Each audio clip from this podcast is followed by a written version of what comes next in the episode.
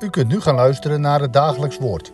Dit is iedere maandag tot en met vrijdag om 10 uur, 3 uur en s'avonds om 7 uur. Deze meditatie wordt verzorgd door dominee Jongeneel.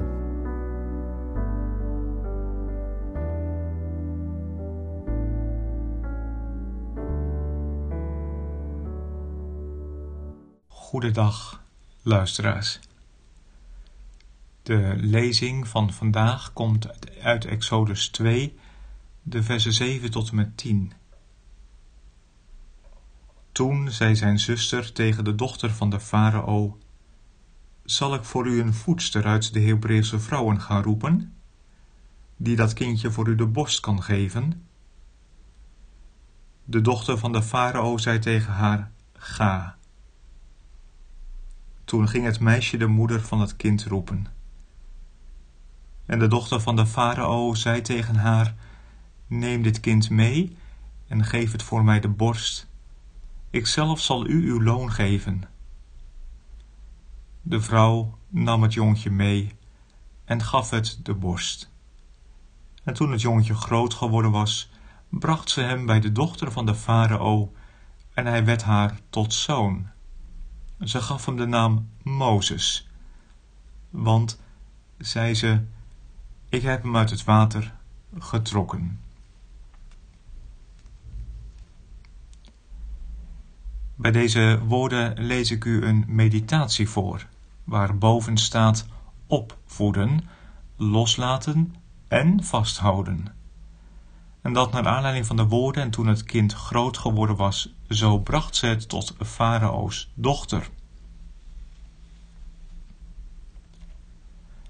Tot de opvoeding van onze kinderen behoort dat we ze gaandeweg leren loslaten. Er is iets mis als jongeren altijd sterk afhankelijk van hun ouders blijven en nooit tot een eigen leven komen.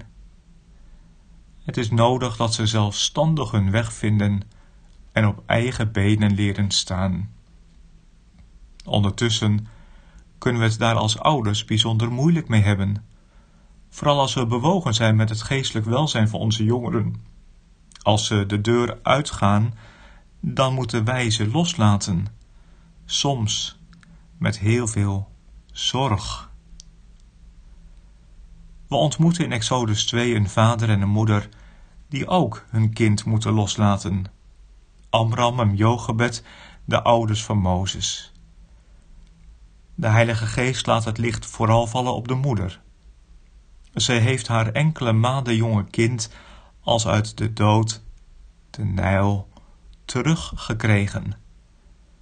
De eerste drie jaar van zijn leven mag ze zelf voor hem zorgen, hem voeden en opvoeden. Een belangrijke periode die beslissend kan zijn voor het hele leven, waarin sporen worden getrokken die onuitwisbaar blijken te zijn. Reken maar dat Jochebed deze eerste levensjaren heeft gebruikt om haar zoon te vertellen van de levende God. Uit het vervolg blijkt dat dit niet voor niets is gebeurd. De Heere heeft de opvoeding van deze moeder gezegend. In de tekst ziet u Jochebed met haar zoon op weg naar Farao's dochter. Ze brengt hem zelf weg, toen het kind groot geworden was. Dat groot moet u betrekkelijk nemen. Mozes wordt niet meer met moedermelk gevoed. Hij heeft de leeftijd van een peuter bereikt, nu al het huis uit. En hij komt in een andere wereld terecht. Wat het kereltje van huis uit heeft meegekregen, dreigt overspoeld te worden door Egypte. Mozes zal, als God het niet verhoedt, een complete hersenspoeling ondergaan. Hij wordt onderwezen in alle wijsheid van de Egyptenaren. Een uitgebreid vakkenpakket. Natuurwetenschappen, sterrenkunde, medicijnen, filosofie, rechten, wiskunden, al de wijsheid van Egypte. Zijn ouders zullen hem met zorg hebben achtergelaten, zoals ook vandaag ouders hun zorgen kennen over een zoon of dochter die een opleiding begint, over een van de kinderen die op kamers is en aan de universiteit of aan een academie studeert, ook kerkelijk anders terechtkomt. En om ze dan toch los te laten, kan dat Mozes wordt bewaard. Als hij groot geworden is, bedankt hij voor de eer een zoon van de dochter van Farao te heten. Hij verkiest liever met het volk van God kwalijk behandeld te worden, dan in de weelde van Egypte te leven. Dat is genade. Mozes heeft gelovige ouders gehad, een vader en een moeder met een groot vertrouwen op de Here. Dat bleek al rond Mozes' geboorte, twee mensen met een biddend leven. Nu raken we aan het diepste geheim van deze ouders. Toen Jochebed haar zoon naar het hof bracht, heeft ze hem wel moeten achterlaten, maar ze heeft hem niet werkelijk losgelaten. Ze heeft hem vastgehouden in haar gebed. Dat is de kracht van Godvrezende ouders. Loslaten en vasthouden tegelijk. Alleen zo is het mogelijk je kinderen los te laten, als je ze tegelijkertijd dagelijks bij de Heere brengt, in het gebed, om ze aan hem op en over te dragen. Ik leg de namen van mijn kinderen, u kent dat gedicht waarschijnlijk wel. Doen we dat? Dat kan een hevige worsteling zijn. Onze kinderen kunnen losweken van de Heere. Het komt niet altijd tot de keuze die Mozes deed. Nochtans blijft God de Almachtige. Zijn armen zijn lang genoeg om verdwaalde jongeren terug te halen. Als hij Mozes bewaren kon aan het Egyptisch hof, kan hij dan vandaag niet bewaren in een geseculariseerde samenleving als de onze is? Daar mag u op pleiten, ootmoedig, met een beroep op Christus. Hij is immers ook losgelaten door zijn hemelse Vader. En hoe? Totaal en radicaal, tot in de verlatenheid aan het kruis toe.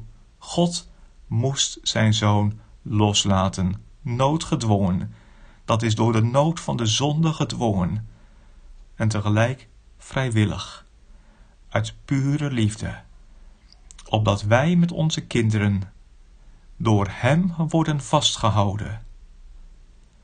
Ziende op het kruis van Golgotha, kan het je kinderen loslaten, maar dan in de zin van loslaten en vasthouden tegelijk. Tot zover. Een meditatie van de hand van dominee J.C. Schuurman, junior, uit het boekje Ouders en de Bijbel, een uitgave van het HGJB uit 1993. We zullen samen bidden. Here, wij leggen de namen van onze kinderen in uw handen graveer gij ze daarin met onuitwisbaar schrift, dat niets of niemand ze meer ooit daaruit kan branden, ook niet als Satan ze straks als de tarwe zift. Houd gij onze kinderen vast als wij ze los moeten laten, en laat altijd uw kracht boven hun zwakheid staan Gij weet hoe mateloos de wereld hen zal haten, als zij niet in het schema van de wereld zullen gaan. Wij vragen u niet onze kinderen elk verdriet te sparen, maar wees gij wel hun troost, als zij eenzaam zijn en bang. Wil, om uw naams wil, hen in uw verbond bewaren, en laat ze nooit van u vervreemden. Nooit hun leven lang. O God, barmhartige Vader, dat bidden wij, pleitend op uw grondeloze barmhartigheid, die ge ons en onze kinderen bewezen hebt, in uw lieve Zoon, Jezus Christus in wiens naam wij bidden. Amen.